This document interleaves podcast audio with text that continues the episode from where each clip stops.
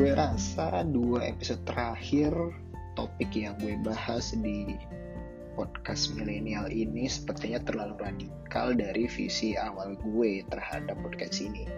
Jadi kan memang sebenarnya podcast ini gue bikin adalah sebagai ajang sharing seputar permasalahan terkait keuangan yang biasanya dihadapi oleh generasi milenial kayak gue gitu.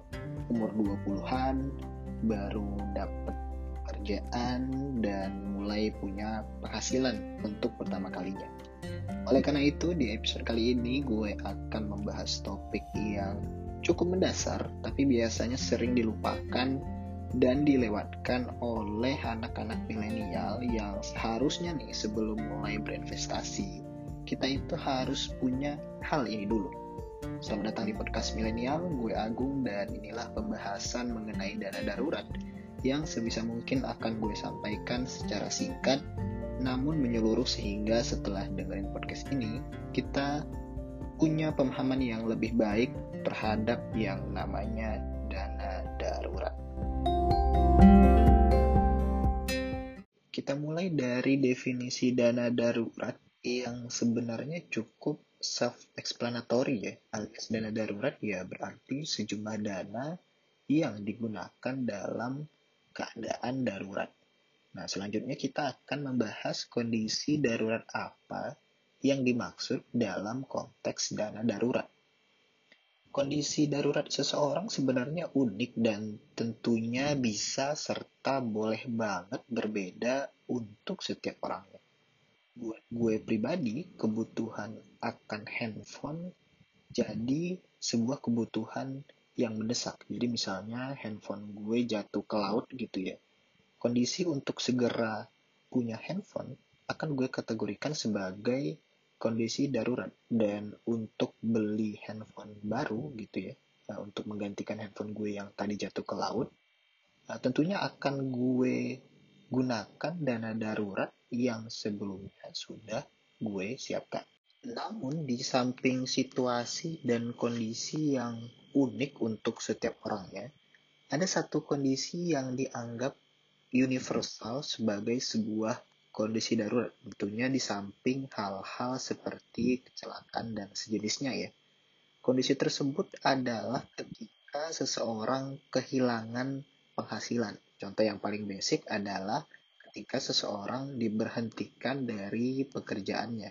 Yang harus kita akui, Hal tersebut memang cukup rentan terlebih di masa pandemi seperti saat sekarang ini. Oleh karenanya, satuan yang biasanya dipakai untuk menentukan jumlah dana darurat adalah berapa kali jumlah pengeluaran rutin bulanan. Kaitannya dengan kondisi darurat yang barusan gue jelasin adalah jika kita amit-amit ya kehilangan pekerjaan, kita masih dapat bertahan hidup beberapa bulan meski tanpa penghasilan sama sekali.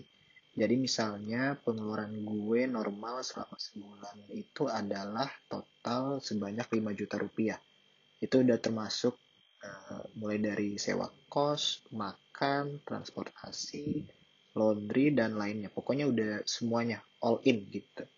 Jadi kalau gue punya dana darurat sebanyak tiga kali pengeluaran rutin bulanan yang berarti 15 juta ya karena kan pengeluaran rutin gue bulan itu 5 juta terus dikali tiga gitu. Jadi 15 juta.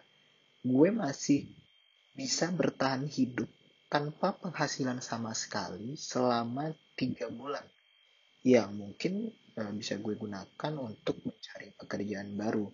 Jadi gue punya spare waktu kurang lebih tiga bulan sebelum akhirnya punya penghasilan lagi. Nah, untuk berapa jumlah dana darurat yang harus dikumpulkan itu memang saran yang diberikan oleh penasihat keuangan biasanya beda-beda ya. Mulai dari tiga kali pengeluaran rutin bulanan, ada yang bilang enam kali pengeluaran rutin bulanan atau bahkan sampai 12 kali pengeluaran rutin bulanan. Yang berarti kalian bisa nganggur selama setahun penuh kalau punya dana darurat sebanyak 12 kali pengeluaran rutin bulanan. Banyak yang bilang kalau untuk dana darurat itu adalah semakin banyak semakin bagus. Namun uh, gue pribadi kurang setuju ya. Karena kalau dana darurat yang disimpan terlalu banyak, akan banyak kesempatan-kesempatan yang hilang alias uh, munculnya opportunity cost. Maksudnya opportunity cost adalah alih-alih uh, semuanya disimpan sebagai dana darurat gitu ya. Harusnya sebagian uang tersebut bisa diinvestasikan ke instrumen-instrumen investasi yang uh, punya return atau keuntungan yang lumayan. Jadi ya silahkan tentukan jumlah dana darurat yang ideal menurut kalian masing-masing. Hal terakhir yang tidak kalah penting adalah di mana menyimpan dana darurat alias instrumen apa yang sebaiknya digunakan untuk dana darurat. Yang perlu digarisbawahi adalah tujuan dari dana darurat bukan untuk mendapatkan keuntungan setinggi-tinggi mungkin, namun bertujuan untuk dapat diakses semudah dan secepat mungkin.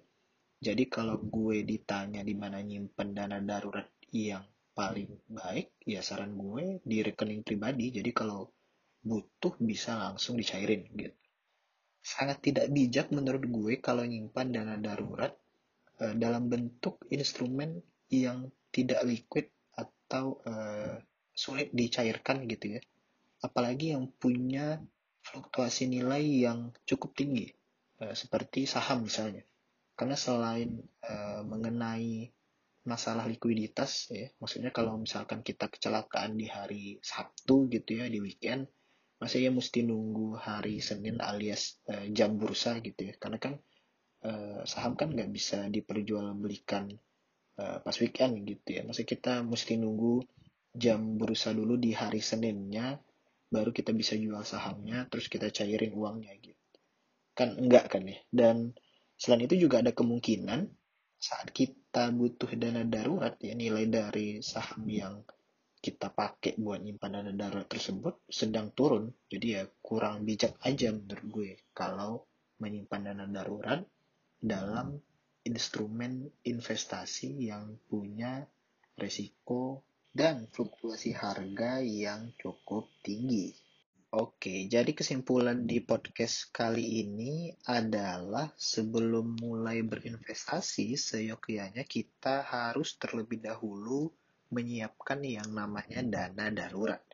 Jumlahnya bisa tiga kali pengeluaran rutin bulanan mungkin, atau enam kali, bebas, tapi yang menurut gue adalah juga jangan terlalu kebanyakan. Dan terakhir, simpanlah dana darurat di instrumen yang mudah diakses, contohnya rekening bank pribadi ya, jadi gampang dicairin karena sifat dana darurat itu adalah dibutuhkan biasanya sih secara mendadak. Uh, mungkin cukup sekian dari gue untuk pembahasan mengenai dana darurat dan mudah-mudahan bisa nambah pengetahuan dan pemahaman kita lebih baik terhadap topik dana darurat. Kalau kalian punya saran topik seputar keuangan yang dirasa relate dengan anak muda, boleh banget disampaikan uh, saran di media sosial gue topik apa yang uh, harus kita bahas. Gitu. Uh, gue Agung dan sampai jumpa di episode-episode selanjutnya.